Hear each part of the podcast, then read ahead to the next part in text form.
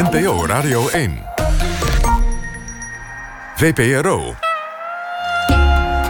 Nooit meer slapen.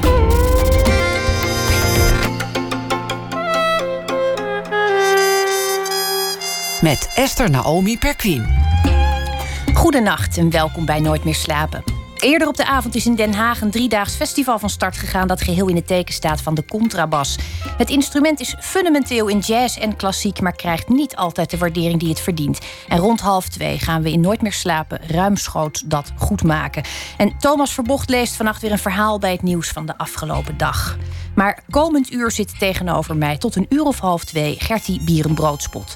Kunstenaar, dichter, schrijver en archeoloog. Een lopend buffet van een vrouw eigenlijk.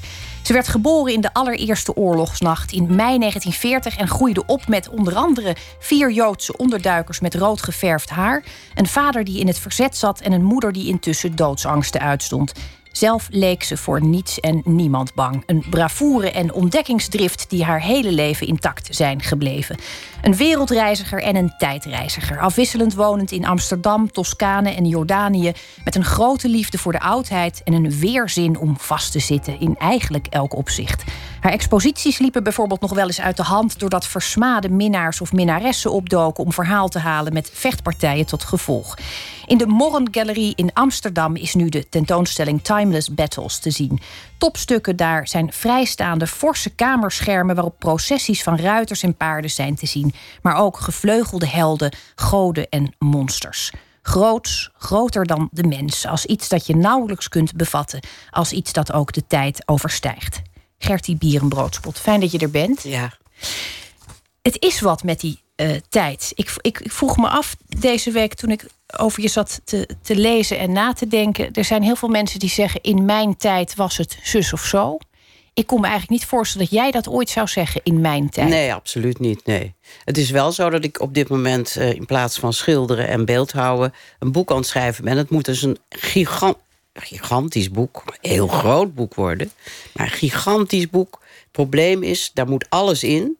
En ik wil eigenlijk helemaal niet terug naar dit was ik, dit heb ik beleefd, zo ben ik geboren. Maar toch zit daar, daar zit dat geheim van waar, waar vanuit ga je dingen doen. Daar moet iets zijn in het verleden wat je getriggerd heeft. En dat is er. En dat moet ik eruit peuteren nu. Dat is een enorme uitdaging om een heel groot boek te gaan schrijven... zonder dat mensen verveeld denken van... oh, alweer een autobiografie. En, maar ik wil het toch zeggen. En niet omdat het mijn tijd was... maar omdat ik nu zie hoeveel dingen in gevaar komen waar we in de 60er jaren, 70er jaren, 68 voor gevochten hebben. En waar we nog steeds demonstreren moeten op het Museumplein in Amsterdam tegen Trump, voor de vrouwenbeweging, noem maar op. Dat hebben we allemaal al gedaan. Dus het herhaalt zich zoals de geschiedenis zich herhaalt, zoals mijn geschiedenis zich zal herhalen. En in de tekens van wat we zien in het nieuws herken ik dan ook weer die angst van mijn moeder en de onderduik. En het komt ook steeds weer opnieuw komt het naar voren. Als ik in Amsterdam op de Prinsengracht fiets... langs het Anne Frankhuis met al die toeristen die daar staan...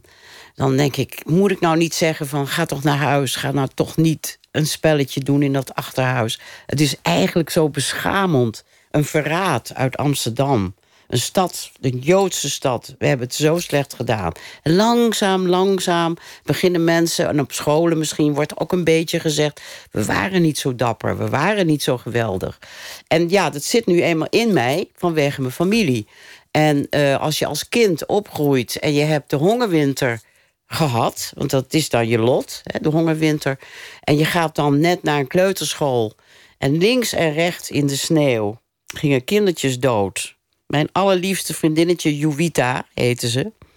had een klein Indonesisch snuitje. Die viel neer en was dood en werd weggedragen. En daar heb ik iets van overgehouden van een soort schrik. Een soort, soort, soort gevoel van beklemming. En zodra er maar iets is wat mij drukt... of als ik zie dat er, dat er tirannen opstaan weer... en meer dictatuur, waar dan ook, Turkije, noem maar op... waar ik ook ben in de wereld, dan voel ik dat onrecht. Het komt van dat moment, komt dat. Dat weet ik. Maar dat wil niet zeggen dat ik daar zeurderig over ga schrijven. Wat ik wel ga doen, en dat vind ik een koep... is dat ik het boek geef links tekst en rechts illustraties. Wat zal de eerste illustratieve bladzij zijn? Wat heb ik gevonden in de erfenis van mijn fantastische moeder? Een coupon met voedselbonnen. En daar staat in wat je mocht hebben. En er staat een woordje bij ieder mooi gekleurd klein postzegeltje. Ehm, versnapering, aardappel, brood, meel. Maar die heeft ze dus niet opgebruikt, want die heeft ze aan mij achtergelaten. Dat vind ik een heel geheimzinnig. Ik weet wel dat ik voor mijn laatste verjaardag in de oorlog een heel klein schaaltje met hele kleine blokjes tulpenbolletjes op het noodkacheltje kreeg. En dat ik daar zo, die smaak, ik kan ook nooit tulpen meer eigenlijk ruiken. Die smaak had iets van: is dit het nu? Is dit mijn verjaardag? Maar ja, weet je, zelfbeklag, daar kom je niet ver mee.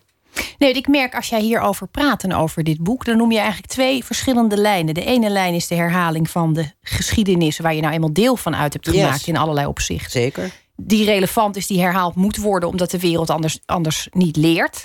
En aan de andere kant voel ik een weerzin om in je eigen verleden, je strikt persoonlijke verleden af te dalen. Ja, omdat, en dat komt een beetje omdat ik zelf een soort afkeer heb van uh, autobiografische romans. En, maar is dat de, de angst voor sentiment? Ja, ik denk het wel. Ik denk dat je, als het niet te pas en te onpas moet vertellen van wat er allemaal gebeurd is.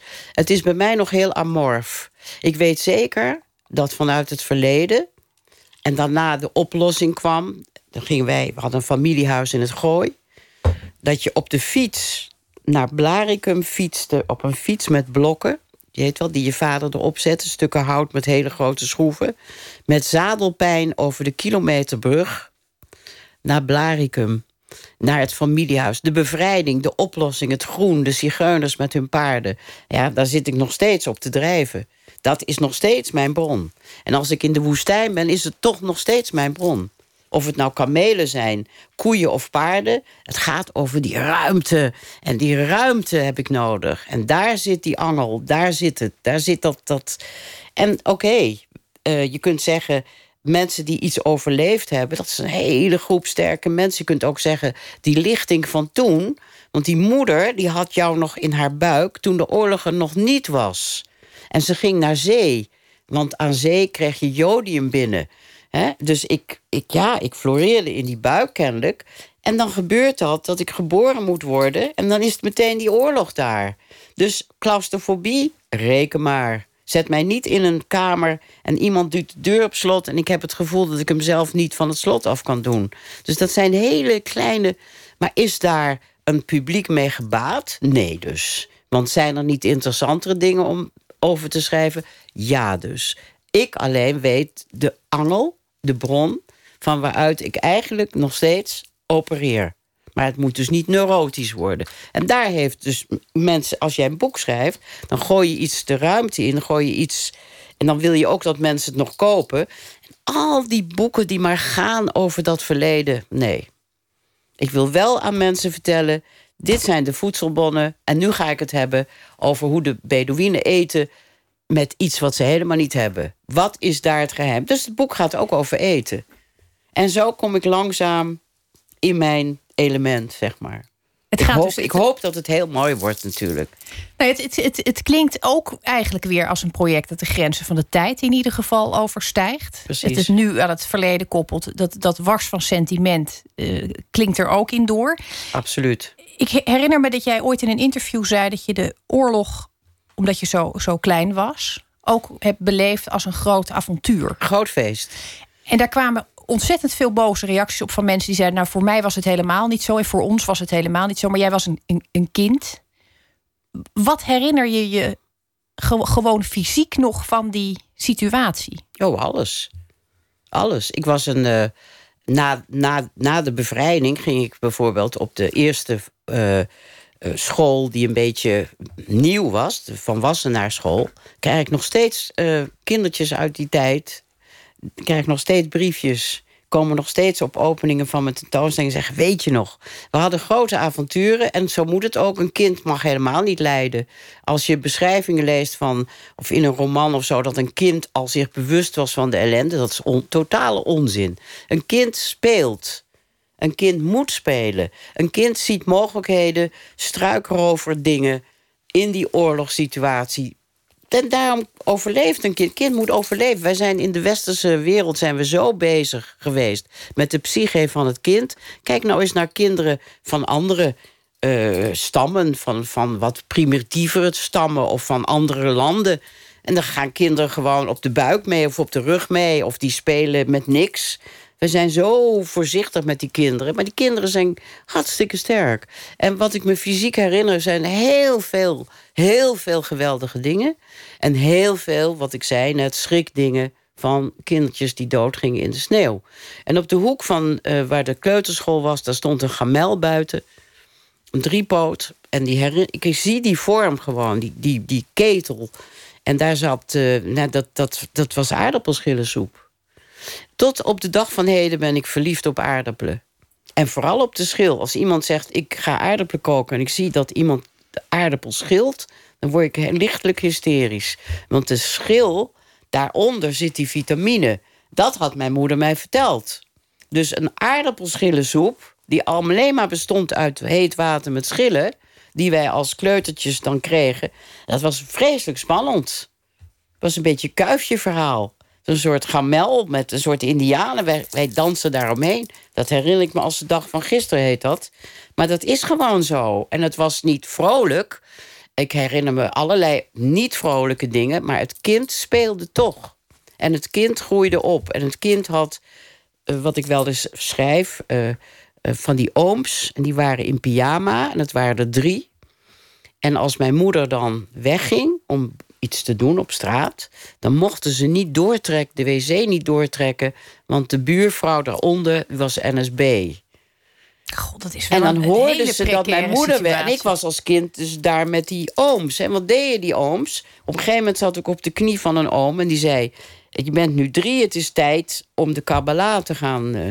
Daar ben ik dus natuurlijk helemaal mee geïmpregneerd. Dus werd ik niet alleen een een mentaal ADHD-kindje. Maar ik was sowieso een ADHD-kindje. En ik ben nog een ADHD-kindje. Maar ik kreeg te veel. Te veel wetenschap, te veel dingen. Dat konden mijn hersentjes niet aan. Dus ben ik later gaan herstellen en zeggen... wat was die Kabbalah? Om een voorbeeld te noemen. Hè?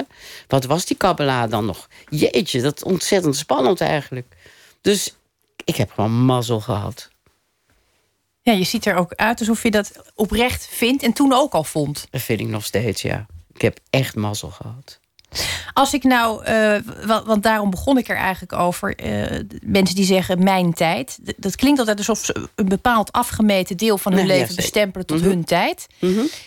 En ik schat in, ik denk dat ik dat wel aardig in kan schatten bij jou, dat je daar in ieder geval al lak aan hebt. Het afbakenen van, ja. van periodes. Ja, maar het gaat één. Tuurlijk, je kunt zeggen dat je een hele goede periode gehad hebt van reizen dat je na die reizen een goede periode gehad hebt van creëren, dingen maken, geïnspireerd door die reizen. Dat zijn allemaal stukjes, maar uiteindelijk is het aan de kunstenaar om dat aan elkaar te smeden.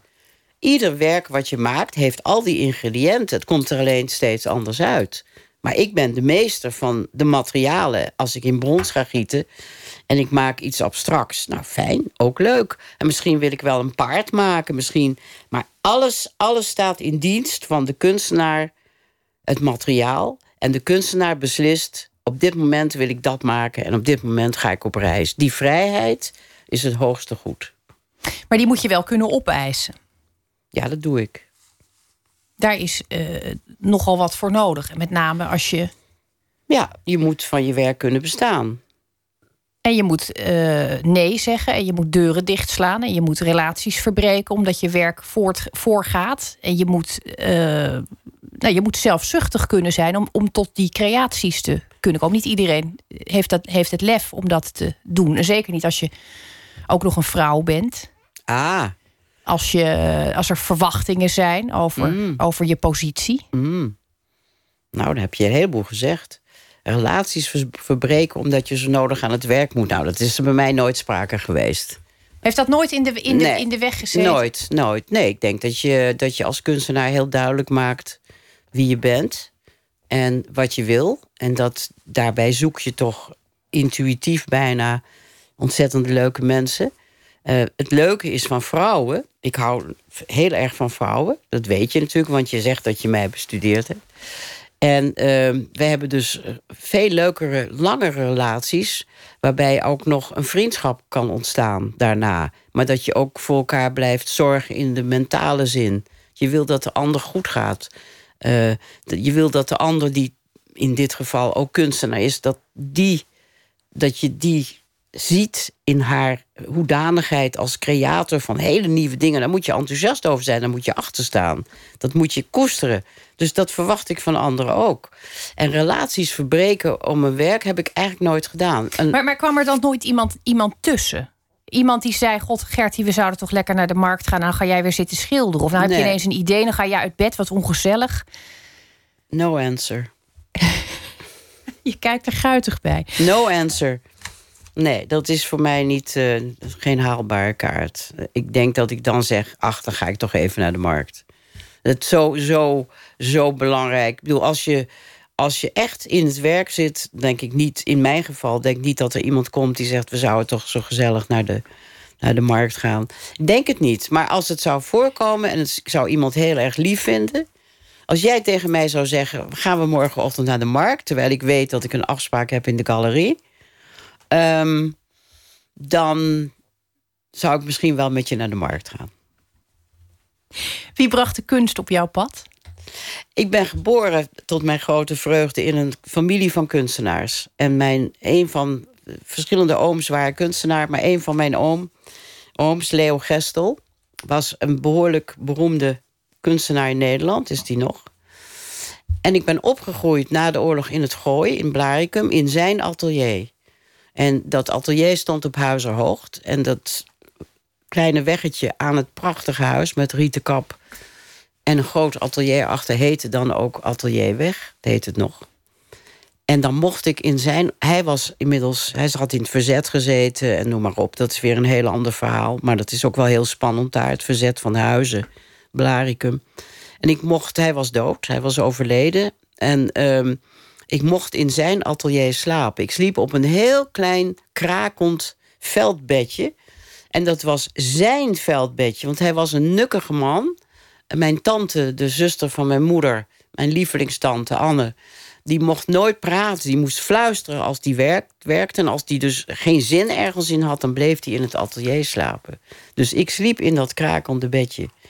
Ja, en als je dan in zo'n atelier woont... en je hebt die lange zomers want voor een kind is natuurlijk een, een zomer is zo groot en oneindig. En dat hebben we natuurlijk later verloren. Dat gevoel van oneindigheid. De zomervakantie. En je bent dan, je ruikt nog die terpentijn. En je ziet die kwasten en die schilderijen. En een hele oude kolenkachel, zo'n hoge met zo'n lange pijp die door het hele atelier liep. En daar staan prachtige objecten, want het was een reiziger. Hij had altijd gereisd. En had altijd dingen meegenomen, net zoals ik dat doe. Oude vazen en stukken steen. En een hele mooie vaas met hele uitgebloeide van die uienbollen. Weet je, als een ui uitbloeit, dan krijgt hij zo'n stengel met zo'n prachtige bol. Die stonden daar. Dat rook en dat kleurde en dat zag ik. En dat, dat is dan toch wel na de hongerwinter... is dat toch wel het einde. Ik bedoel, dan, hoeft, dan ben je in het nirwana. En als je dat kan pakken als kind al... je gaat een, een boomhut maken en je ziet zigeuners met paarden... en je kan dat pakken, je kan dat bewust pakken... dan heb je geluk. Dus mazzel hebben. Dat jouw hersentjes al ingesteld waren op een of andere manier om het te ontvangen. Nou, dat er spreekt uit, uit hoe je dit vertelt en, en de manier waarop je je dat herinnert. Ik zie ook dat, dat jij het weer voor je ziet. Ja, er spreekt zo'n ontzettende honger uit. Een aangeboren verlangen naar, ja. naar die veelheid eigenlijk. Ja, ehm, ik kom wel mensen tegen uit die tijd en uit die buurt. En een van de leukste ontmoetingen was met een, een meisje, heette Els. En dat was het buurmeisje Els Timmermans. En die mocht van, van mij in mijn boomhut. Oké? Maar die boomhut, dat was een prachtige, prachtige kastanje. Die stond voor het huis. En daar zat ik dan in. Ik weet ook nog wat ik aan had. Een kniebroek van een soort hele mooie kobaltkleurige stof. En zij mocht daarin. En ik was heel wild. En ook volgens mijn zuster was ik heel heerszuchtig. Weet ik niet. Maar nu komt het. Ik ben in Den Haag. En Gerrit Salm, een van mijn grote verzamelaars... die heeft mij uitgenodigd. Ik geef een lezing, want ik was net in Libië geweest. En die zei, kom nou maar. We gaan met een hele leuke groep mensen in de tuin. En wat doe je dan? Dan gaan we, zeg maar iets. Fantastisch. En het zijn hele leuke mensen, dat zul je zien. Hij en zijn vrouw Lydia, perfecte mensen. En ik zit daar en ik maak me klaar om die lezing te gaan geven. En er komt een hele mooie vrouw binnen. Wild en mooi. En die komt op mij af en ik had zoiets van... ah, een beetje slappe knieën. En ze zei, hallo, ik ben Els. Ik ben hoge rechter in Den Haag. En ik mocht van jou in jouw boomhut. Ja, dan valt het op zijn plek, nietwaar? Geweldig, toch? Het is, een, het is heerlijk als verhalen zoveel jaren later alsnog een Ja, vervolg Ja, krijgen. En precies. rond blijken te ja lopen. een bewijs van iets. Of, of in ieder geval de lol ervan. De vreugde. Nou zat jij in dat, in dat atelier. Ja. Je, je, je verruimde aan alle kanten. Het is niet alleen je blik die verruimde, maar ook al je zintuigen werden geprikkeld. De geur, het licht, Ja, eh, die zeker. eindeloze zomer. Ja. Is er dan ook al een, een, een vaag besef of een vermoeden geweest dat je kunstenaar was? Heel vroeg? Ja, maar dat, dat kwam eigenlijk door de onderduikers. Ik bedoel, die leerden me tekenen en schrijven eigenlijk op een vrij vroege leeftijd, dus drie, vier jaar. En dat bleek ook wel, want later, ik heb een archivaris trouwens, die zit in de, in, in de achterhoek, een hele fantastische vrouw. Die heeft alles wat ik ooit geschreven en gedaan heeft opgezocht. En die kwam erachter dat er brieven van mij waren, vlak na de oorlog, aan een vriendinnetje. En dat vriendinnetje op de lagere school, die heeft die brieven bewaard. En die hebben we te pakken gekregen. En dan kun je zien wat ik toen aan haar schreef. En ook illustreerde. Ja, die Hoe was zijn dat? er Wat, dus. wat, wat, wat, wat voor, voor meisje kwam daaruit naar voren als je dat teruglas? Want dat is natuurlijk iets wat je zelf niet meer. Jawel, want ik, ik, ik moedigde haar aan een beetje om vooral... Ik zei, we moeten vooral goed leren, want dan worden we vrij. En dan gaan we daarna gaan we naar de indianenstam. Ik had een indianenstam ontdekt ja, uit een boek. De Jivaro's, koppersnellers. En dan moeten we ons eh, armen en onze benen scheren. Dan krijgen we veel haar. We moeten er wild uitzien. Maar, en dan gaan we daarheen. En dan voegen we ons bij hen. Nou ja, op zichzelf. Maar ze heeft dat nooit... eh Ansje heeft nooit verzaagd om het geweldig te vinden... en me nog steeds in te geloven. Het is inmiddels getrouwd. Heel leuk, heel leuk mens. Maar die, dan kijken we elkaar aan en dan zeg ik... eh, de Jivaro's? Het is niet doorgegaan, maar in mijn hoofd, zegt ze... leeft het verhaal nog steeds. Dus het bewijs is dat we samen vonden... Ik bedoel, dus dan, dan heb je een soort bewijs. Dan zit het niet alleen in jouw hoofdje... maar dan zijn er andere spelers in het spel. Ja, dat is natuurlijk fantastisch. Het geeft wel een, een, eh, een, een, een beeld op, op je vijfde of zesde of zevende dus al. Ja, Van wat je nog steeds als kern in je Ja. meedraagt. dat zit in een gen dan. Nou, Ik kom natuurlijk ook echt uit een soort waanzinnige familie. Dus dat, dat, kijk, het was een beetje bohemien. En dat bohemien leven van de familie... Wil geld was gewoon... Daar praat je niet over. Dat was gewoon heel vreselijk. Maar het waren vrijheidsvechters. Niet iedereen in de familie was zo mooi en schoon. Maar in ieder geval van mijn kant wel. Dan heb ik ook weer geluk gehad. Je voor, ik heb kinderen gesproken van NSB'ers bijvoorbeeld. Ehm, dan heb je geluk gehad dat er zo'n vrijheid was, zo'n bewondering voor kunst en muziek. Met name ook muziek. En dat je daarin opgroeit. En dat je mag spelen, een beetje Montessori-kind wordt. Ja, dat is gewoon, wat ik zeg, het is gewoon geluk hebben. En die dwingt geluk wel af. Dat zijn wel uitspraken die ik ook wel onder de loep neem. Maar ik denk dat gewoon, ja, het is gewoon een, een geluksfactor geweest. Volgens jouw eh, zuster, die je net zelf al even noemde, had jij op je tiende al gezegd: ik word kunstenaar. Ja, dat heb ik gezegd, ja. ja. Maar niet zoals mijn oom. Want ik vond zijn schilderijen, die ik nu heel mooi vind... vond ik spuuglelijk.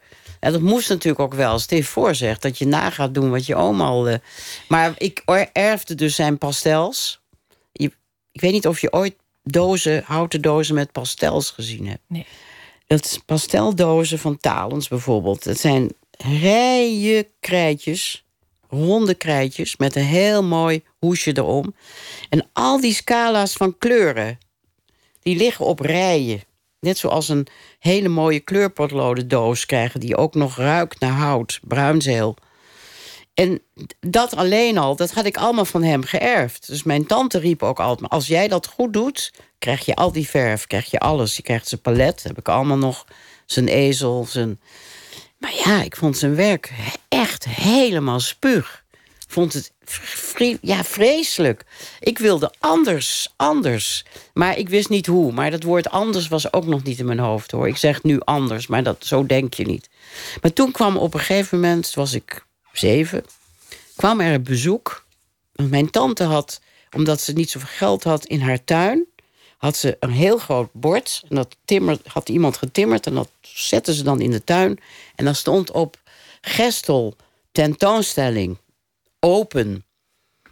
Want ze moest probeerde iets te verkopen. Als je nou nagaat wat nu het werk van mijn oom waard is... dat is toch gewoon een lachertje. Maar zo gaat het altijd hè, met kunstenaars. Het was natuurlijk veel meer waard eigenlijk. En op een gegeven moment zei mijn tante heel zenuwachtig... je moet een tekening maken. Nu is het moment dat je gaat tekenen. En ga maar iets leuks doen. Hier heb je krijtjes, ga maar zitten. En ik zal je later vertellen waarom ik nu vraag... dat je nu laat zien dat je iets kan. Dus aan de overkant was een huis met een beetje stenen... en een beetje heel mooi een soort relief. En er waren allemaal cascades van wilde bloemen. Daar ben ik gaan zitten tegenover. En dat heb ik dan helemaal. En dat heette in Pietershofje. En daar komt een bezoek aan het atelier van koningin Wilhelmina. En mijn tante was heel zenuwachtig. En die zei van, uh, vooral niet veel zeggen. Bied de tekening aan als ik knik. Ga maar daar staan.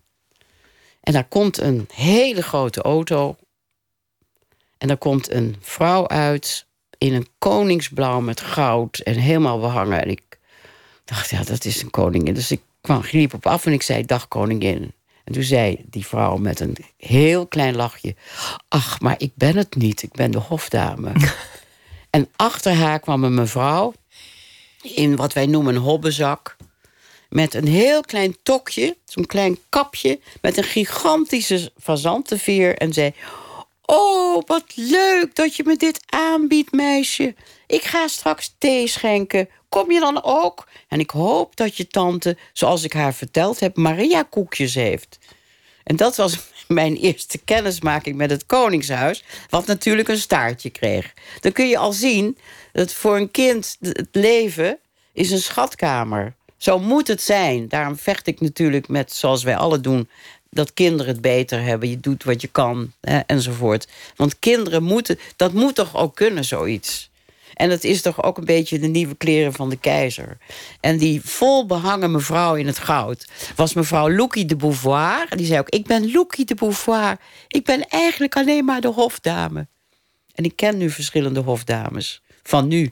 En dat zijn altijd hele erudite en fantastische vrouwen. En daar mag ik af en toe iets leuks mee doen. We gaan het over dat uh, staartje met het Koningshuis nog hebben. En over allerlei andere dingen. Dat weten we eigenlijk nog niet. Dat is ook het fijne ervan. Uh, we gaan nu even naar het uh, journaal luisteren. Gertie Bierenbroodspot. En daarna praten wij verder. We gaan het straks ook nog hebben over de contrabas. Een instrument dat dit weekend tijdens een driedaags festival in Den Haag centraal staat. Daar heeft eh, Botte Jellema onder andere over geïnformeerd deze week. En Thomas Verbocht leest natuurlijk het verhaal voor dat hij schreef bij het nieuws van de afgelopen dag. Daar gaan we allemaal nog naar luisteren en dan praten we verder. Dat en meer dus na het nieuws van 1 uur. Bye.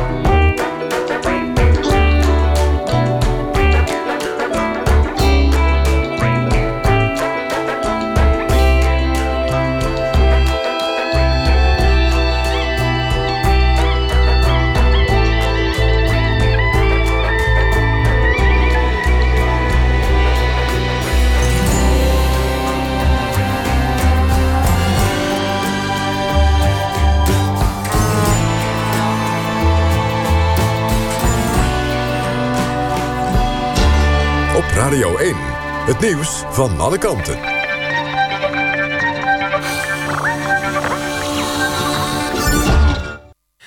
Het is 1 uur, Patrick Holtkamp met het NOS-journaal. Zo'n 40 bezoekers van een vakantiepark op Texel... kunnen vannacht niet in hun vakantiehuisje slapen... vanwege een chloorlek in een zwembad. Het bad op het park in Koksdorp werd afgelopen middag al ontruimd. Toen bleek dat er zo'n 3000 liter chloor was vrijgekomen... in een technische ruimte van het zwembad. Niemand raakte gewond. President Trump heeft de ontslagen FBI-directeur Comey een mafketel genoemd. Volgens de New York Times zei hij dat tijdens een gesprek met de Russische minister Lavrov. Trump erkende eerder dat hij Comey onder meer heeft ontslagen... vanwege het onderzoek naar banden tussen Trumps campagneteam en Rusland. Volgens de Washington Post is er in dit onderzoek... een nog onbekende belangrijke Witte Huismedewerker in beeld. In de Amerikaanse stad Mississippi zijn drie jongens opgepakt... voor de moord op een jongetje van zes. Ze stalen afgelopen nacht een auto bij een supermarkt. Een vrouw had daarin haar zoontje achtergelaten... en was even de supermarkt ingegaan. S ochtends werd de auto met de jongen teruggevonden. Hij was met meerdere kogels door het hoofd geschoten. Zeker twee van de drie verdachten zijn minderjarig. De opkomst bij de Iraanse presidentsverkiezingen is zo'n 70 procent, zegt de minister van Binnenlandse Zaken. De stemlokalen zijn veel langer opengebleven dan gepland, omdat er lange wachtrijen stonden. Het is nog onduidelijk wanneer de uitslag bekend wordt. De huidige relatief gematigde president Rouhani en de conservatieve geestelijke Raisi zijn de belangrijkste kandidaten. Het weer. De temperatuur daalt vannacht naar zo'n 6 tot 9 graden... bij een matige zuidwestenwind. Overdag zonnige periode, maar in de loop van de dag ontstaan stapelwolken... en enkele regenbuien. En het wordt 16 tot 18 graden. Dit was het NOS Journaal. NPO Radio 1. VPRO. Nooit meer slapen.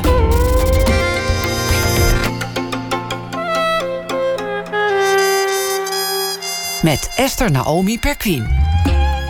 Goedenacht en welkom terug bij Nooit meer slapen. Tot half twee praat ik verder met Gertie Bierenbroodspot. Beeldend kunstenaar, schrijver, archeoloog, dichter, wat al niet.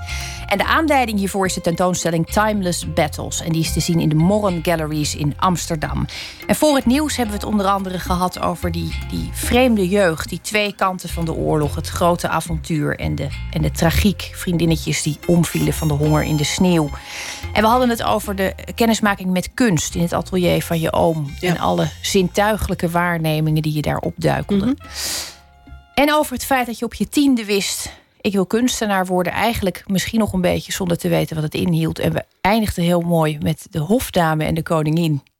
Dat heeft nog een staartje gekregen, zei je. Eh, jouw, band met het Koningshuis in het algemeen eigenlijk. Denk ik. Jawel. Nou ja, kijk... ehm, het Koningshuis op, op een bepaald moment is natuurlijk verschrikkelijk leuk. Want Wilhelmina bijvoorbeeld, die ging dus naar de fjorden. En dan gingen ze per boot. Hè? Dus die boot die gaat trouwens van de westelijke haven van Amsterdam. Kun je iedere dag op. Staat ook op Denemarken, Noorwegen. En dan ging, dat was heel erg in. Mijn moeder ging dat ook doen. En dan gingen ze naar de, naar de fjorden. Maar dat deed Wilhelmina. En die maakte van die verschrikkelijke sombere... ongelooflijk sombere, lelijke, zwarte... eh, krijttekeningen en zo. Maar ze vond dat zelf dat het haar ontspande. En, ehm, en dus wilde ook natuurlijk kennis maken met het werk van mijn oom. En ik geloof dat ze ook nog iets gekocht heeft. Dat weet ik niet, want als kind merk je dat natuurlijk niet op. Eh, maar ze, ze was wel bezig om ergens te gaan zitten... met een tekenplank en een stuk papier en wat krijt. En dat vind ik dan toch... Dan zie ik dat ze was dik gezet, hè? En dan met die, met die hoed, met die veer... en dan zo'n hofhouding erachter, denk ik... nou, toch wel een heel beperkt bestaan. Dat vond ik toch wel heel lief van haar. En mijn vader, die was op een gegeven moment... zei die wil jij in het torentje van de Dam... het paleis op de Dam... want daar moet ik even zijn. En toen mocht ik dus in het paleis op de Dam. Ja, en toen was ik ook meteen verrukt van paleizen. En vooral de binnenplaatsen. Een beetje zo vochtig en beschimmeld... dat het heel spannend was. Want wat doe je daar dan? Wat is dat dan, een paleis? Dus dat... dat, dat nou ja, en daarna kwam ik dan een beetje in aanraking met Beatrix... die mijn werk ging... en Klaus... Prins Klaus, die dus mijn werk ging kopen. En dat was staartje helpt weer te maken met eh, Jordanië. Want eh, Beatrix en Klaus waren heel erg bevriend met Noor en Hoesijn. Zij hadden in dezelfde woestijn waar ik woonde hun verlovingstijd doorgebracht, te paard. Dus daar waren allerlei, ineens allerlei aanknopingspunten waarom we elkaar gingen zien. En uh, Klaus met name, die dus heel veel had met ruimtelijke ordening, die ging dus eh, een speciaal schilderij van mij kopen. En dat, uh, ja, toen heb ik met hem rondgelopen over mijn tentoonstelling toen. En uh, het was eigenlijk een hele bijzondere man hoor. En Beatrix stond op een podiumpje, samen met Noor en Hoezijn. Je weet wel, met zo van die rode linten eromheen... met van die koperen, vals koperen zuiltjes stonden ze daar. En ze zei, neemt u mijn man mee aan, maar hou hem wel bij de elleboog. Dus ik liep met hem door de tentoonstelling... en had natuurlijk ontzettend interessante opmerkingen. Het was een hele interessante en geweldige man gewoon. En um, hij zocht iets uit. Dat is natuurlijk altijd heel leuk voor een kunstenaar. Dat, goed. En zij hadden echt hun verlovingstijd doorgebracht in hetzelfde gebied waar ik met in, toen nog in een tent woonde. Later had ik daar een huis. En ze waren heel erg bevriend. Dus het was voor mij ook heel erg leuk om met al die mensen in aanraking te komen. Omdat ze gewoon heel erg uh, geciviliseerd waren. Maar toch ook betrokken bij mijn be. Dus ik dacht, ik ga voor die Bedouinen nog iets eruit slaan. En ze hadden mij ook gezegd... als je de koning ziet, koning Hoezijn... wil je dan vragen of we bomen mogen planten. Want we mogen volgens de wet geen bomen planten. En we moeten in een dorp teruggetrokken leven... terwijl we vroeger in de tombes van de Nabateërs woonden maar door de toeristen verdreven zijn. Wil je nou niet een petitie aanbieden? Dus in plaats van dat ik gewoon doorging met uh, u en u en fantastisch, zei ik: Majesteit, please, your king, your majesty, do something for my Bedouins. Weet je, dan sta je daar, het is natuurlijk allemaal toneelstukje, hè, want er komt natuurlijk nooit iets los. Maar toen werd ik door hem ook nog geridderd. Dus ik werd ineens heel erg geridderd. Dus ik ben nu een rebelse, hoge geplaatste ridder. Er is niets leukers dan met zigeuners omstaan... en dan toch als ridder daar rondlopen. Nou ja, ik bedoel, het is natuurlijk gewoon een, een klucht. Je hebt een hele uh, uh, dubbele relatie volgens mij met, met eer, met succes... met uh, mensen die je op handen dragen. En dat komt misschien ook omdat je als kunstenaar eigenlijk bijna te vroeg van de boom werd geplukt, om het zo maar uit te drukken? Ik heb geen idee, daar kan ik, niks, daar kan ik heel weinig over zeggen. Ik weet alleen maar zelf dat ik uh, uh, van mijn familie mocht ik eigenlijk geen kunstenaar worden. Want dat waren alleen maar mannen, die kunstenaar. En dat was natuurlijk fantastisch. Want ik moest natuurlijk een beetje tegendruk hebben. Als mijn moeder had gezegd, of mijn vader van... nou, doe dat nou maar, ga maar meteen naar de academie... gaan we allemaal voor zorgen. Nee, een vrouw, een meisje, absoluut niet. Mijn moeder zei: Ga jij maar eerst eens een diploma halen. Na de middelbare school doe jij maar de opleiding tekenleraren. Nou, ik was natuurlijk heel droevig. Ik wilde alleen maar academie. En er was gewoon ook geen geld voor. In onze familie na de oorlog was weinig geld. Hè. Dat, uh, het was moeilijke wederopbouw, kennelijk. En uh, mijn vader die was een beetje geflipt. Die wilde niet meer op zee. Maar dat, dat verhaal moet voor een andere nacht. Want dat is een heel lang verhaal. Um, en dus die werd ineens alleen nog maar zen-boeddhist. Mijn moeder, die nou, van de familie vond ze dus dat je eigenlijk over geld niet mocht praten. Maar er was niet veel geld. Dus ik moest ook allerlei baantjes aannemen... om zelfs die studie van tekenleraar te gaan doen. Dus in dat, dat was nog in het Rijksmuseum trouwens. Opleiding tekenleraar. Het is een heel mooi gebouwtje. Als ik dan overdag die klasse had gevolgd... moest ik s'avonds uh, de lokalen schoonmaken. Voor mijn studiegeld. En dat is natuurlijk fantastisch voor een kind. En bovendien, de tekenleraaropleiding was, vonden wij, de hele, onze hele klas vond het spuug. We zijn bijna allemaal kunstenaar geworden. Reinier Lucassen, een van de leukste voorbeelden. Um, spuug vonden we het. Maar die actes die hadden te maken met wiskunde, mathematiek. En, um, en dat waren hele goede grondige technische, technische dingen die je moest leren. En om je, omdat je dat examen moest doen. En het was voor mij natuurlijk geweldig. Uiteindelijk blijkt dat het voor mij het beste was. En dat de academie, die ik s'avonds dan volgde, dat was vrij en leuk. Maar dat vrije en leuke had ik al. Wat ik nodig had was discipline. Je kreeg heel snel een, volgens mij een overzichtstentoonstelling. Ja. Je was echt, daarom zei ik net, het, eh, vroeg van de boom geplukt. Ze zagen je glimmen tussen de takken en je, en je, je lag al in een hand. Schrok je daar niet ook van? Want je had eigenlijk nog nauwelijks de tijd gehad om te bepalen... wat, wat is mijn plek als kunstenaar, welke kant wil ik... of, of, of, of doe ik je nu tekort en had je dat allemaal al Nee, compleet? nee, ik heb ook geluk gehad natuurlijk met eh Sandberg... de directeur van het eh, Stedelijk Museum. Want in de tijd dat hij daar directeur was... was het een zeer beroemd museum, wat het dus niet meer is. Maar daar had, hij had natuurlijk de Cobra ontdekt, zowat...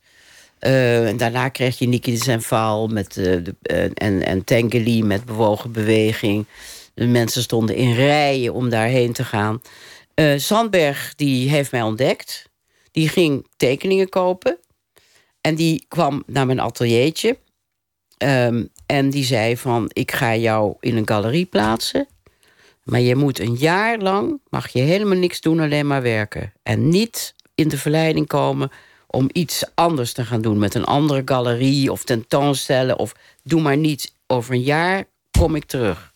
En dan zit jij in de grote galerie. En dat was het. Toen ging die kopen voor het stedelijk.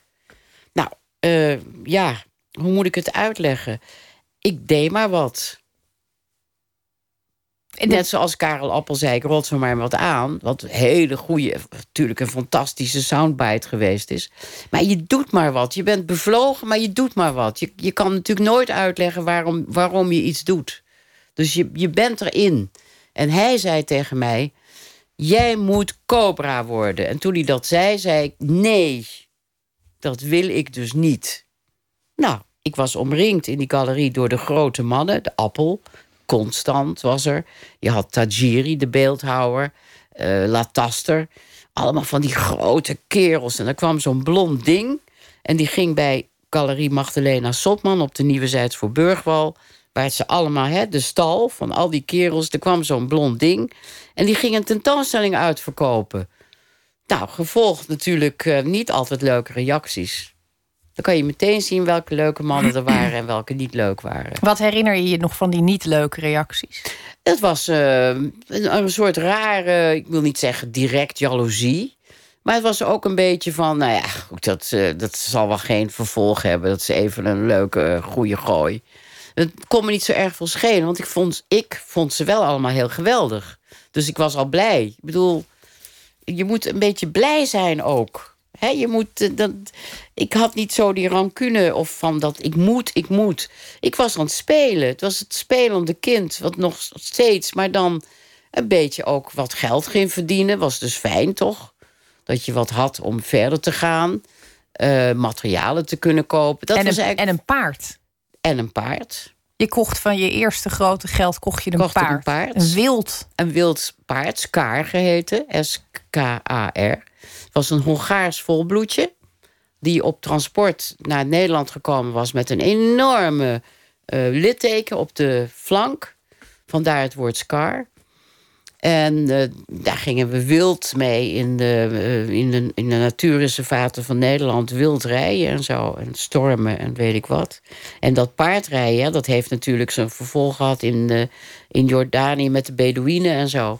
Allemaal hele wilde. Ik, ik hou ook heel erg van eh, volbloedpaarden, maar dat moeten merries zijn. Merries zijn namelijk heel zenuwachtig en leuk. En laten zich niet opzadelen. Je moet er eigenlijk maar opspringen. Je moet er achteraan rennen en dan spring je er maar op. Hij liet zich niet, niet temmen, Zij. zij. Zij liet zich niet temmen, nee. En jij? Ook niet. We waren een goed team. Nee, ik kan me voorstellen namelijk als je, als je... Juist als je nog in die fase zit dat je zegt... ik doe maar wat, ik ben aan het spelen. Ik, Tuurlijk. ik- dan is er ook een groot risico dat je als kunstenaar in een, in een bepaald vormpje wordt ge- gedwongen Ja, door grote namen, door mensen die het voor het zeggen hebben, door, door geldstromen. Ja. Door, Ja. Dat, heb, heb jij die risico's ook gevoeld toen? Of, of kwam dat pas later dat je zag, god, het was eigenlijk een. Nee, de, de, die risico's, nee, nee. Maar ik bedoel, het grote geld of zo, of dat soort dingen, of de roem of de eer. Nee, ik was aan het spelen. En ik denk dat dat ook eh, voor een heleboel mensen daardoor misschien wel een beetje vertederend was. Dat het toch niet zo'n erge grote concurrentie was. Maar als je dus naar het prentenkabinet van het stedelijk gaat... dan zie je dus, dat doe ik wel eens... dan gaan ze die laden opentrekken en dan word ik heel erg ontroerd. Want dan zie ik wat ik toen maakte en dat ben ik kwijt. Wat, wat, wat is dat, wat je kwijt dat spel. Ik speel nog wel, maar anders. Dat kan ik nooit meer terugkrijgen. Dat is de onbevangenheid van het begin. En op een gegeven moment dan krijg je ontzettend veel succes. En dat ging maar door en meer maar door. En toen had ik daar zo genoeg van. Toen ben ik vertrokken. En toen ben ik, heb ik mij gevestigd in een Zuid-Frans bergdorpje. En uiteindelijk heb ik heel lang in een grot gewoond. Omdat ik wil, tien jaar lang wilde ik weten wie ik was. Ik was het kwijt. Het was zo heftig. De ene opdracht naar de andere. Alles verkocht. En dat is gewoon op een gegeven moment geen goede formule. Want wat moet je daarmee? Je, komt, je gaat schilderijen af, afleveren bij hele leuke, hippe mensen, zeg maar. Maar die hebben met jouw leven eigenlijk helemaal niks te maken. Dus ik moest weg. En dat heb ik gedaan. En dat is de grote doorbraak geweest. En daar schrijf ik ook nog over. Omdat die grot, waarvanuit ik heel veel gedichten geschreven heb... die grot was heel belangrijk. Dat alleen zijn, het gevoel dat je alleen ergens bent dat je dat wil ook. En dat je ontdekt dat je eigenlijk ook wel bang bent voor een heleboel dingen. Dan moet je dan overheen, zo'n oud middeleeuws huis. En dan, en dan in zo'n raar bergdorp. En dan winters helemaal ingesneeuwd. En dan eigenlijk ook helemaal niks, geen auto. Er was absoluut geen goede verwarming. Er was geen stromend water. Er was zelfs helemaal geen goed licht. Ehm, hoe ga je daarmee om? Ga je dan, ga je dan timmeren? Ga je dan uh, bakstenen pakken en een muurtje metselen? Ga je een kachel maken? Wat ga je dan doen? Ga je dan ook nog schilderen? Ja, blijkt, dan ga je ook schilderen. En toen kwam het. Toen pas kwam het. Toen wist ik het. En het leuke voor mij is ook dat ik uh, vrienden heb en verzamelaars... die dan ook nog mij vertellen... dat schilderij wat je toen gemaakt, dat hebben we nu. Nog steeds, daar zijn we nog zo blij mee kom nou nog een keer kijken. Dan ga ik kijken en dan denk ik, oh ja, dat was dat moment. Oh ja, dit schilderij was dat moment. En het moment waarop je besluit dat je eigenlijk jezelf. Wat is dat dan dat je zegt: ik wil mezelf leren kennen? Is dat dat je eigenlijk een gespleten persoonlijkheid zou zijn? Dat je een verwaande idioot zou zijn? Is het niet erg interessant om jezelf te leren kennen? En wat, wat, wat zijn jouw reacties in moeilijke situaties? Wat, wat wil je er eigenlijk allemaal mee? Daar ben ik nog steeds mee bezig. En het is geen egotripperij.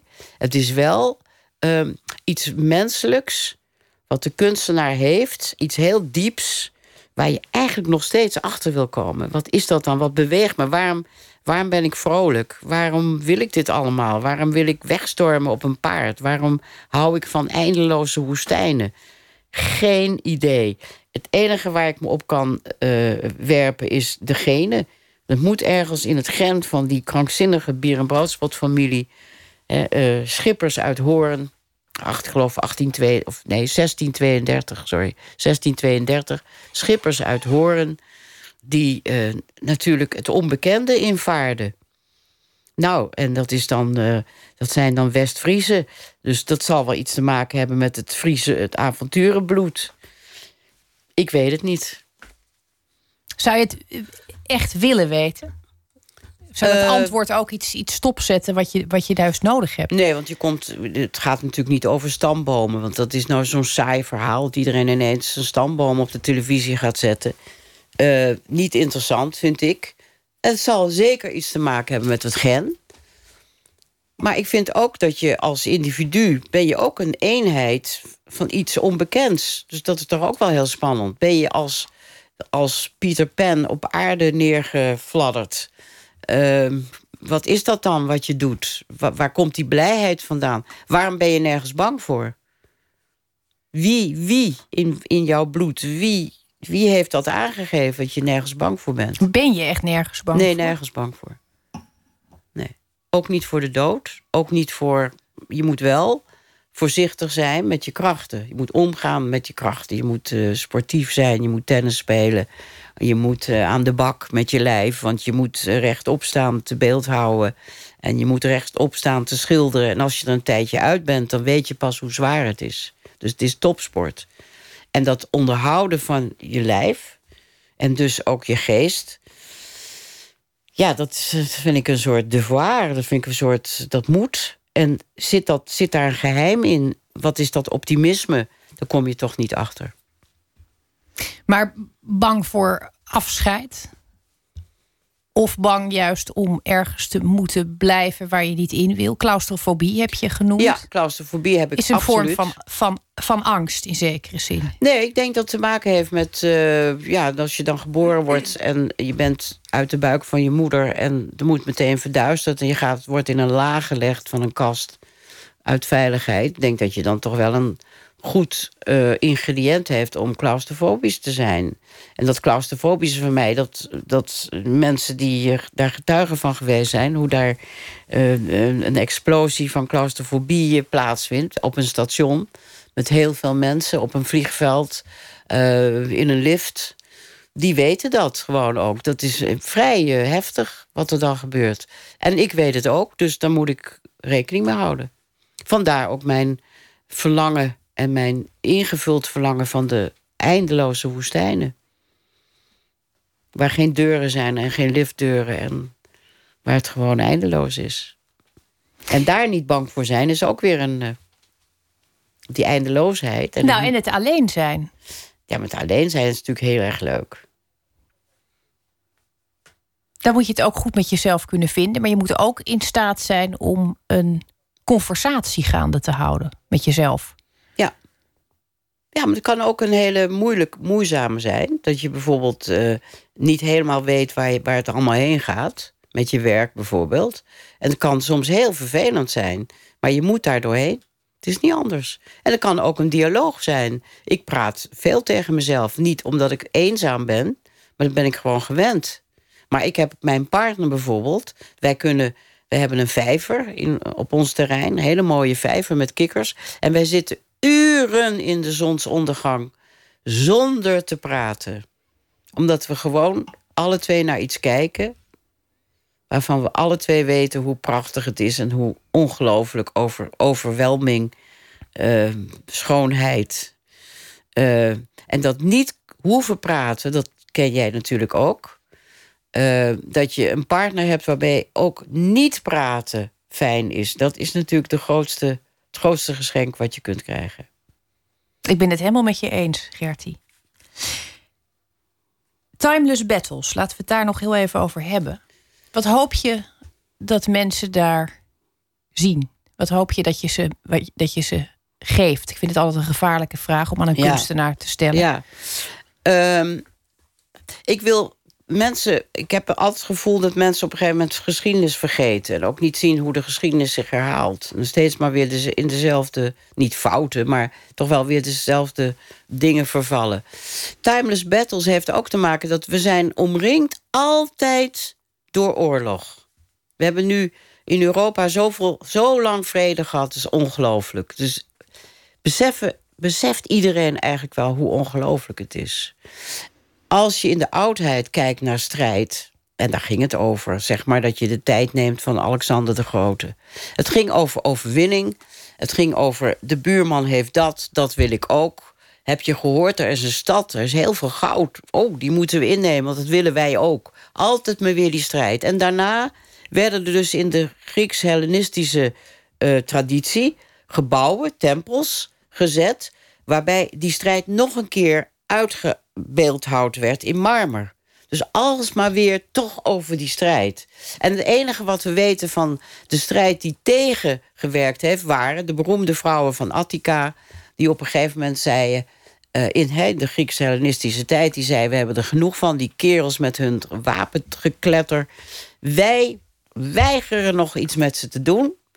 Wij delen het bed niet met ze, we koken niet voor ze, zoeken het maar uit. En die mannen die kwamen echt van een. die zijn echt afgedropen. Niet omdat het mannen waren, want er waren natuurlijk ook vrouwelijke strijders, maar gewoon. Hou nou eens op met die strijd. Verheerlijk die strijd nou eens niet. We doen niets anders dan die strijd opnieuw en opnieuw aangaan. En opnieuw en opnieuw daar monumenten over maken. Daar heb ik nooit iets van begrepen.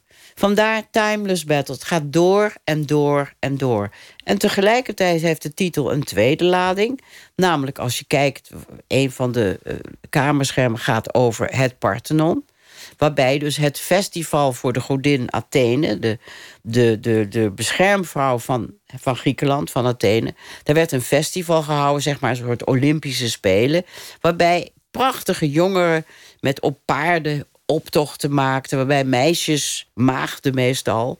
Uh, Parthenon betekent eigenlijk de maagd... die eigenlijk altijd maagd blijft...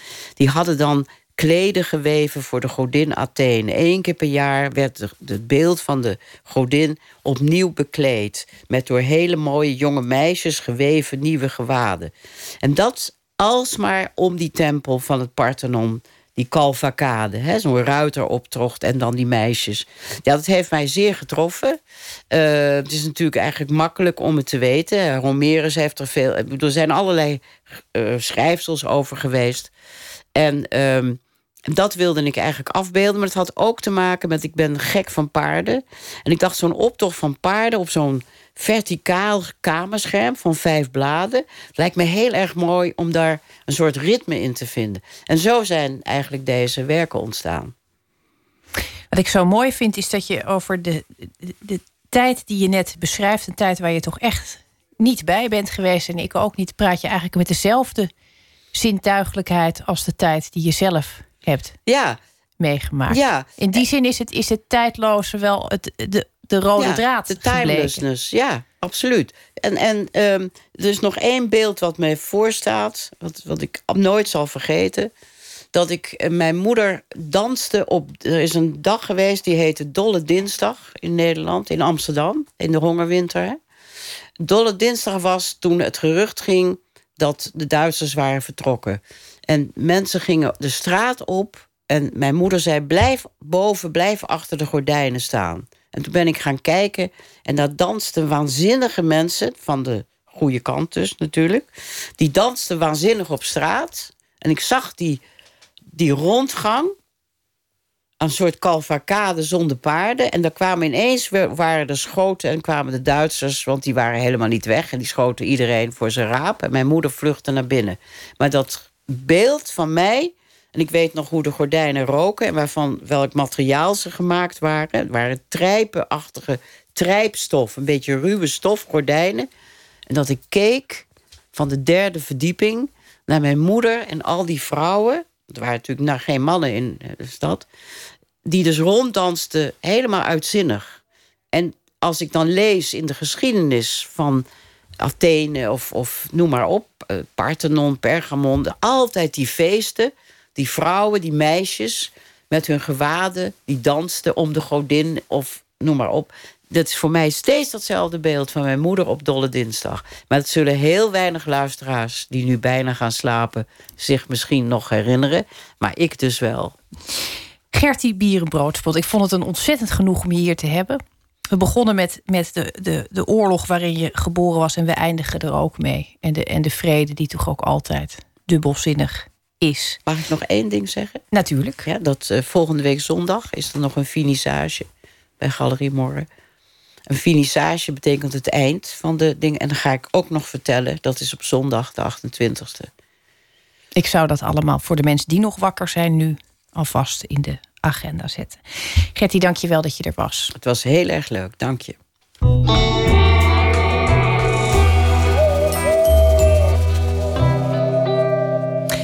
Ergens tussen jazz en pop zweeft Pat Appleton. De Duits-Afrikaanse soulzangeres is het meest bekend van haar werk met de moderne soulband Fees.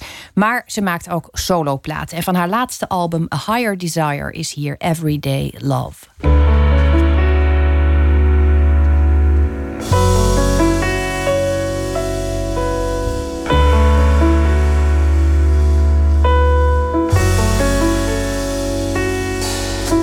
I don't what I have in him when he's around me every day.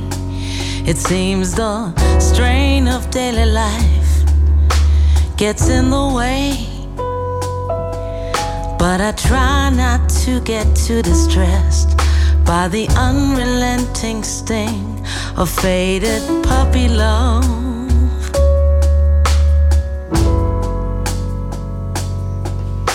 These things I can remember best when I'm far away from him.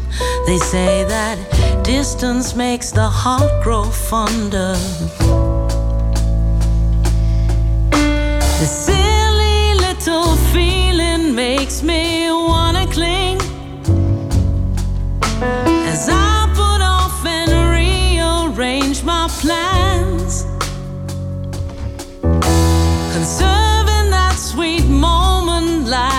Like a precious thing as I try not to get dazed by everyday love.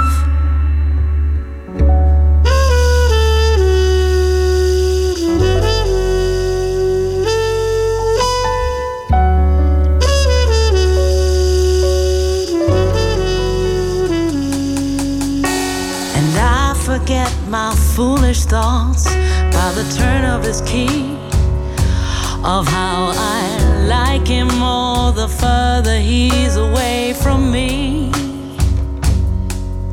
These things I can remember best when I'm far away from him.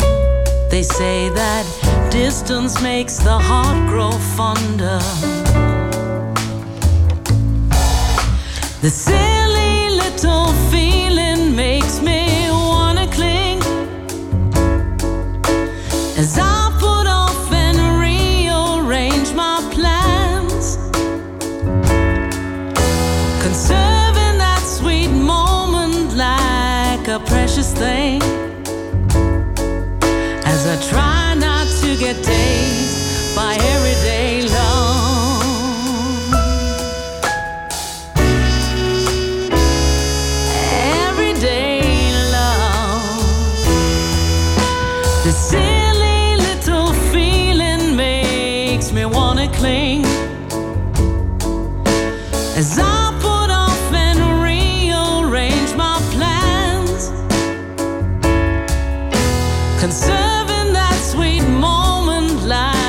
a precious thing.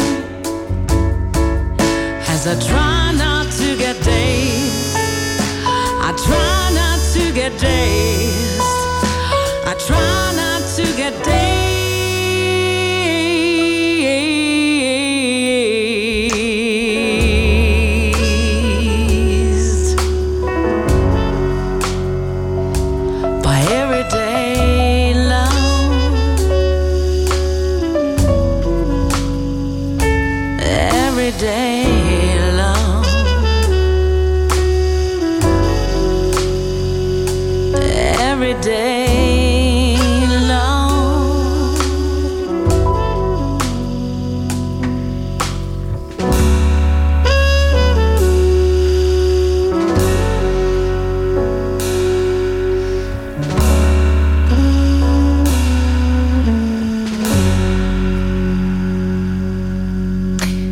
Over tijdloosheid gesproken. Uit Duitsland was dit Pat Appleton met Everyday Love.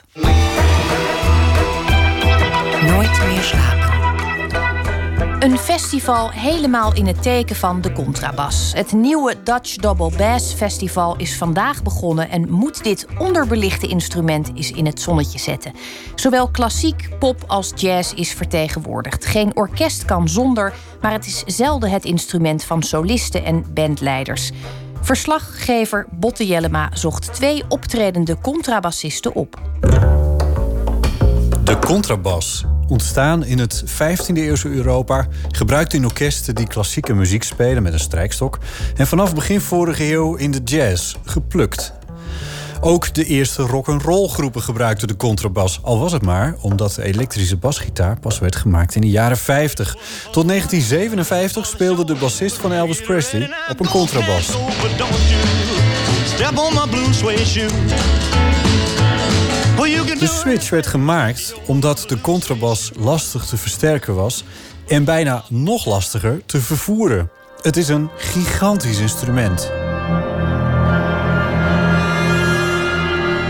Dit is het Rotterdams Philharmonisch Orkest. Ik sta vlak bij de bassectie. Ze zitten aan de rechterkant van het podium. Vlakbij de podiumdeur aan die kant is de baskamer. Het is een opslagruimte voor deze instrumenten. Langs de vier muren van deze kamer staan de gigantische reiskoffers voor de contrabassen van de orkestleden. Meer dan manshoge kisten En het voelt daar bijna alsof ik in een film ben beland over Egyptische tombes. Yingli Green is een van de bassisten en zij laat me deze ruimte zien.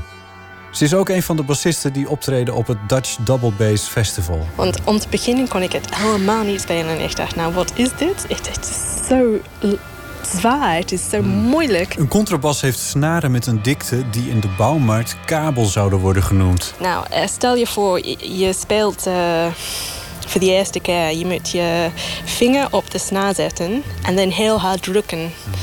En dan komt een toon. Maar alleen als je heel hard drukt, zeg maar. En om te beginnen heb je geen ehm eh, eelt op je vingers. En dan doet het heel veel pijn. Eh, dan heb je de spieren nodig. Want eh, om een toon uit de bas te halen, moet je behoorlijk veel inzet geven. Ja, je moet je spieren gebruiken eigenlijk. So dat is allemaal nieuw om te beginnen. En dan je moet eigenlijk trainen zodat alles goed werkt. Dat je de spieren hebt, dat je de eelt hebt, dat soort dingen. Ja, Het is echt wel fysiek hard werken. Ja, ja dat is, ja, klopt, ja. ja. Kan je je de vingers van je handen beschrijven? Lelijk. Ze zijn heel lelijk, mijn vingers. Ja. En de linkerhand is veel groter dan de rechterhand. Dat is ook iets merkwaardigs. Nu je het zegt, ja. Hoe, Ja, het is is dat van de bas spelen? Ja, het is wel van bas spelen, ja. ja. Vooral de vingers zijn... Ja, eh, vooral de vingers ja, zijn behoorlijk eh, groot inderdaad, ja. Ja. Dat is toch opmerkelijk dat je handen er anders van gaan groeien dan... ja, ehm, ja, maar is het zo'n wonder? Want ik moet dan die spieren trainen. Zo dan heb ik eh, een grotere hand hier dan aan de rechterkant. Zo, eh, Dat is de hand waar je de, de snaren mee indrukt, hè? Ja. Precies, ja. ja. Het is hard werken. En dat voor een positie in het orkest die misschien niet heel prominent is. Het is hoe, hoe je dat inbeeldt. Want eigenlijk zijn wij altijd aanwezig. En eh, misschien is het een minder ehm glorieuze, kan ik dat zeggen, ehm, rol. Want mensen weten niet meteen wat voor invloed wij hebben. Maar wij zijn er en wij zijn aan het spelen. En als wij niet spelen, dan klinkt het echt heel raar en eh, een beetje vreemd onder ons. Een testje. Dit is La Valse van Ravel, gespeeld door het Rotterdams Philharmonisch.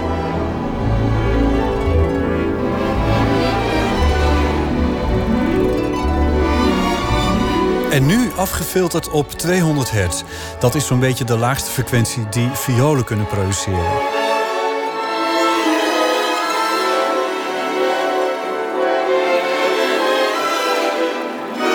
Afhankelijk van op welke apparatuur u deze reportage beluistert, is het een behoorlijk verschil. Je mist de bassen meteen.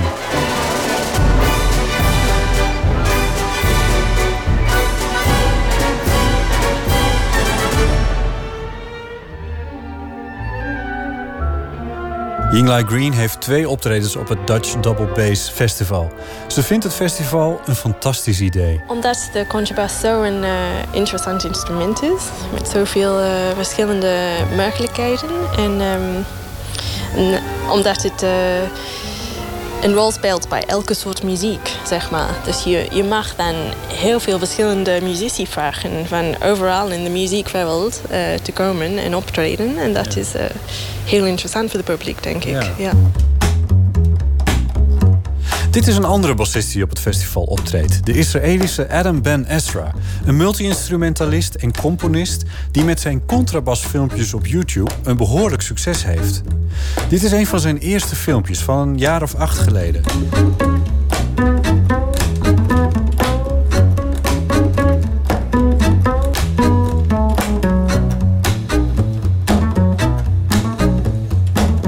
I've been uploading uh, videos to YouTube uh, for eight years, I think.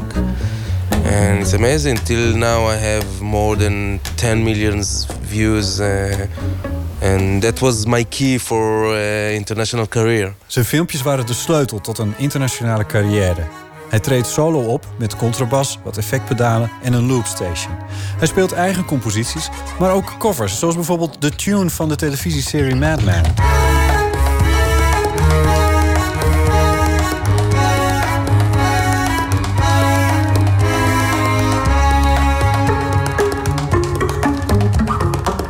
Gespeeld op een contrabas. Wel eentje met een extra vijfde snaar, zodat hij hogere melodieën kan spelen. At the age of 16, I, I started to play the double bass. And when I was 24, I think, I started to drum on it and I, and to, make, to connect to looper and, and, and, effects. And I decided I, I can create some new sound with the, with the, with the bass. Met elektronische effecten wordt het instrument veelzijdiger. En dan kan je de contrabas gebruiken als begeleidingsinstrument. En dus solist worden, zoals Adam Ben Ezra. People uh, are, are used to, to, to see these uh, instruments as not very, very interesting. Uh, because they, they know the, the two kinds of sounds that they can be played. Uh, plucking, like in jazz, boom, boom, boom, and the orchestra bowing. Veel mensen denken dat het instrument niet zoveel kan. Ze kennen maar twee dingen: het plukken in jazz en het strijken in orkesten. So when they think of, of a, one hour of, of uh, double bass solo, uh, it's not very very interesting. But uh, I use all kinds of elements of the percussive one and, and the and, and the, and the s- sound effects, and it makes it much more varied. Maar met de geluiden en effecten die hij gebruikt, hou je het makkelijk een uur interessant.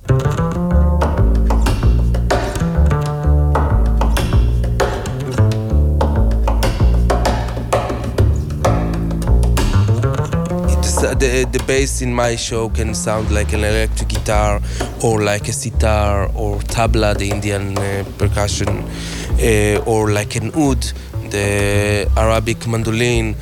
Um, and I play it like I play like guitarists play flamenco.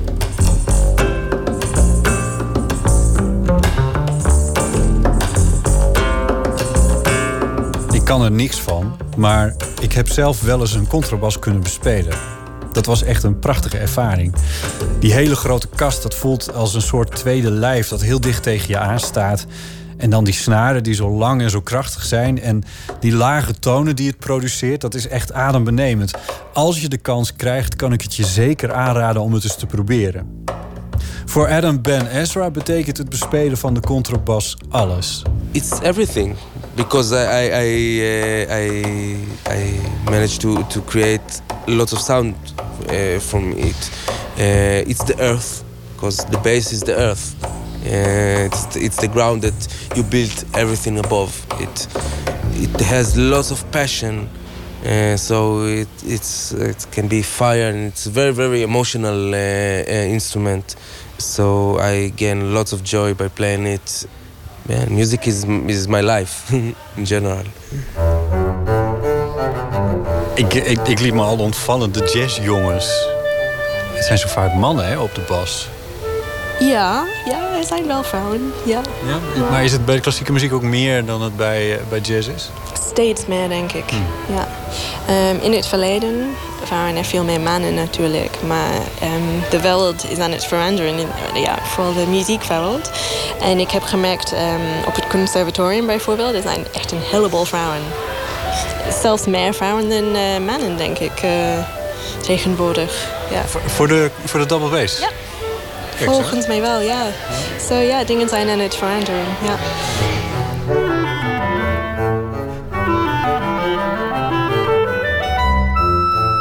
De veranderende wereld van de contrabas. Jingley Greens is voorlopig nog wel de enige vrouwelijke hoofdartiest op het nieuwe Dutch Double Bass Festival.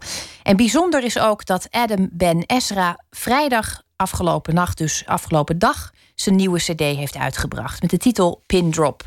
En het Contrabas Festival duurt tot en met zondag en vindt plaats in de elektriciteitsfabriek te Den Haag. We gaan verder met één minuut getiteld Hoge Omen. Vroeger was de gouden tijd. In die tijd moest je nog eh, bewijzen voor de rechtbank... door middel van foto's of filmopnames... dat je partner vreemd ging.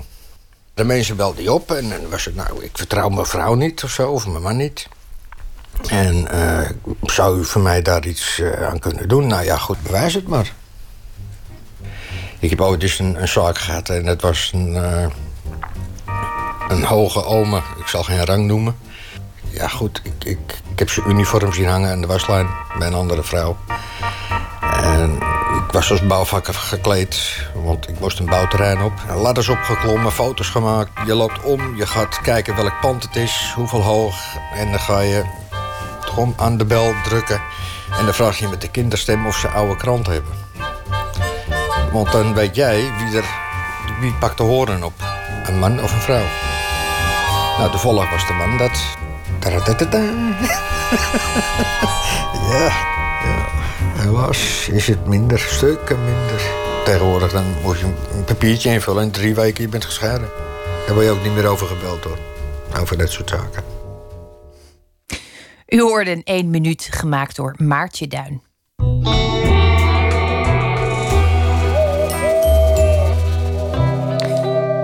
Thomas Verbocht is de schrijver die deze week met proza op het nieuws van de voorbije dag reageert. Hij schreef verhalen en romans, is columnist en automobilist. Ik zeg het er even specifiek bij, want het lijkt voor velen vanzelfsprekend, maar dat wordt toch te weinig gezegd in het leven. Thomas, goedenacht. Fijn, goeienacht. Ik vind het heel fijn dat jij erbij zegt, dat auto, automobilist. En ben je dat inmiddels ook? Nou, ik uh, ben er hard uh, aan bezig, uh, Thomas. Nog altijd. ik hou je op de hoogte van de ontwikkelingen. Heel graag, heel graag. Um, ik zal even lezen wat, ik, wat vandaag mijn aandacht trok. Graag. Um, in de Volkskrant van vanochtend las ik een kort artikel waarboven stond... staand of zittend debatteren, dat is een heel verschil.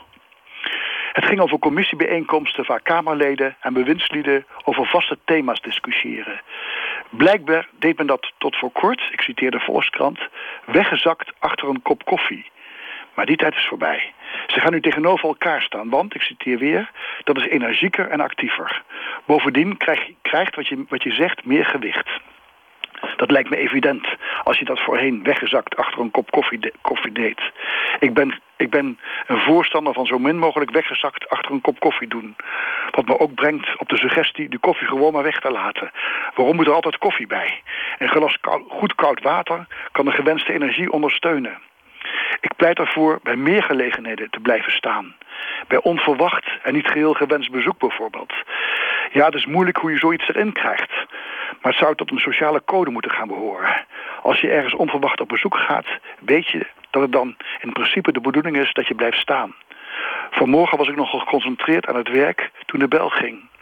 Normaal doe ik dan niet open. Maar ik was zo geconcentreerd dat ik niet eens op de gedachte kwam het nu ook niet te doen. Er stond iemand voor de deur die ik vaag kende. En die vaagheid bevalt me. Hij begon met een verkeerde zin. Een zin die hij trouwens niet afmaakte. Het was deze zin. Ik was toch in de buurt, dus ik dacht... Ja, denk ik dan, wat dacht je?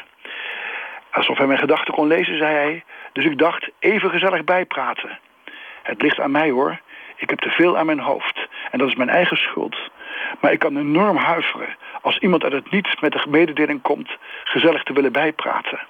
Meestal betekent het dat die ander een tijdje over zichzelf aan het woord wil zijn. Valt me de laatste tijd behoorlijk op. Veel mensen hebben andere mensen nodig om zelf aan het woord te zijn. Hoe dan ook, blijven staan. Een plek waar men ook zou moeten blijven staan is het te grote caféterras. Zitplaats op een klein terras zijn prima. Maar het grote caféterras is een tragische voorziening.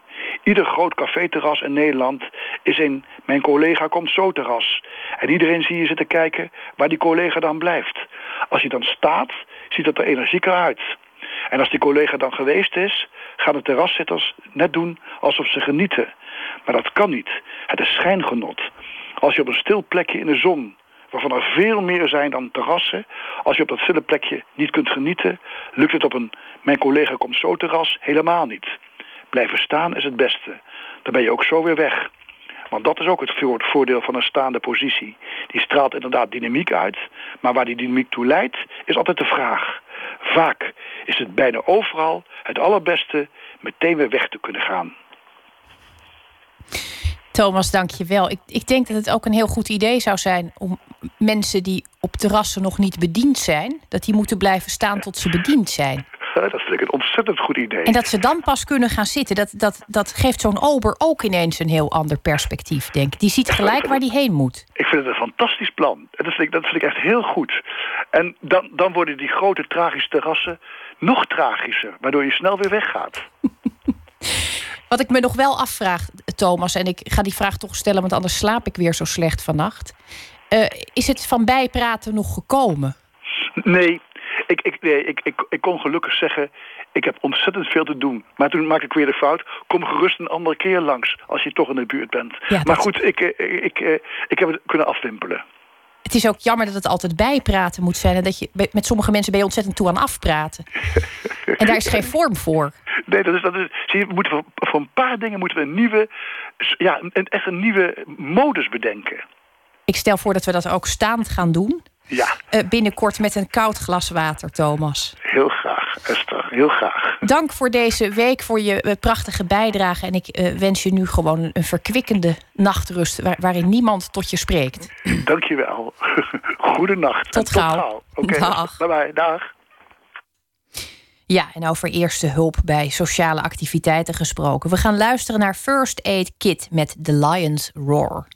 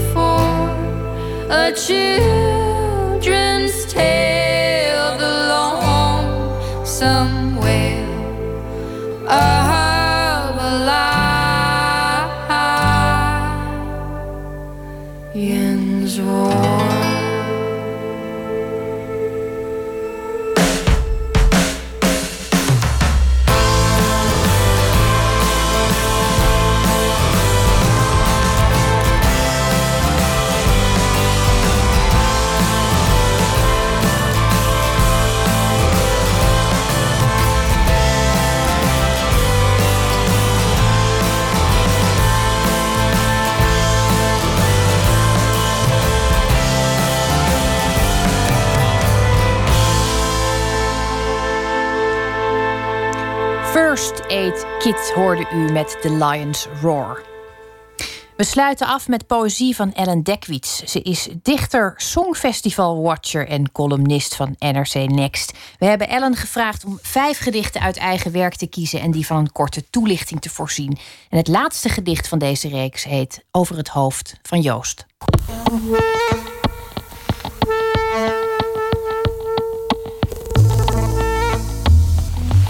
Over het hoofd van Joost. Je krabde over je hoofd, je vertelde me eens dat het er al jaren spookte. Je las er genoeg over om te weten dat je ooit weer zou kunnen opstaan. Maar je raakte slaperig van die gedachte. De splinter bleef je missen.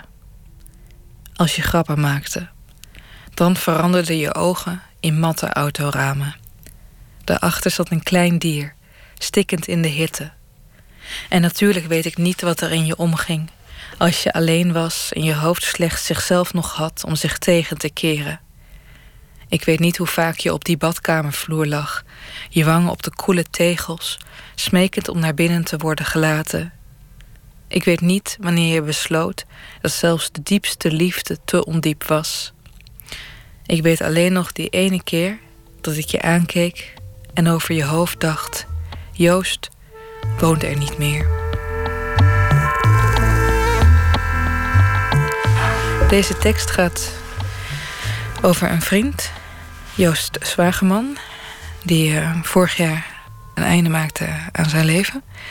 En over hoe goed je iemand denkt te kennen, terwijl dat op het laatst vaak niet het geval is. Joost had een eh, obsessie met zelfmoorden van schrijvers, zelfmoord in de literatuur. Hij heeft ook ontzettend veel essays over geschreven. En wij spraken er ook vaak over. Maar het was vooral het hebben over zelfmoorden in theorie. Van god, waarom doen mensen het toch? Is het een uitweg? Is het leven dan zo zinloos? En het klinkt naïef, maar ik had nooit zien aankomen dat hij het zou doen. En om misschien een beetje met die machteloosheid te kampen, heb ik deze tekst geschreven om misschien via verwoorden toch ook een beetje te verwerken. Over het hoofd van Joost. Je krabde over je hoofd. Je vertelde me eens dat het er al jaren spookte. Je las er genoeg over om te weten dat je ooit weer zou kunnen opstaan.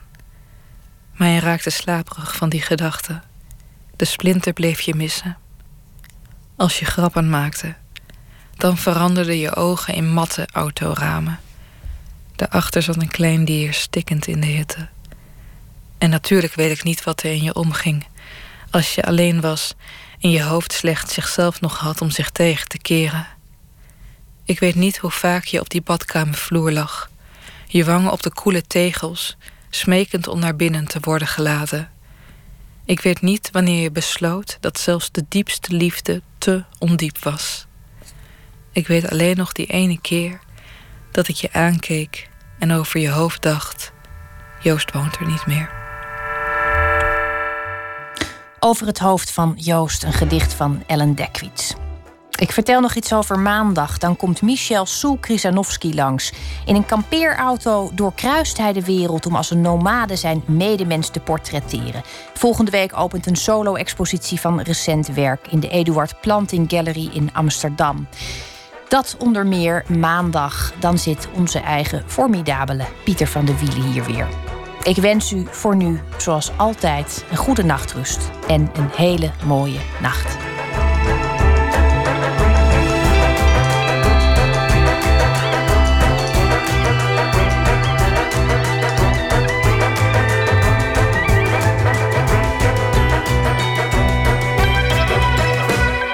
Op Radio 1, het nieuws van alle kanten.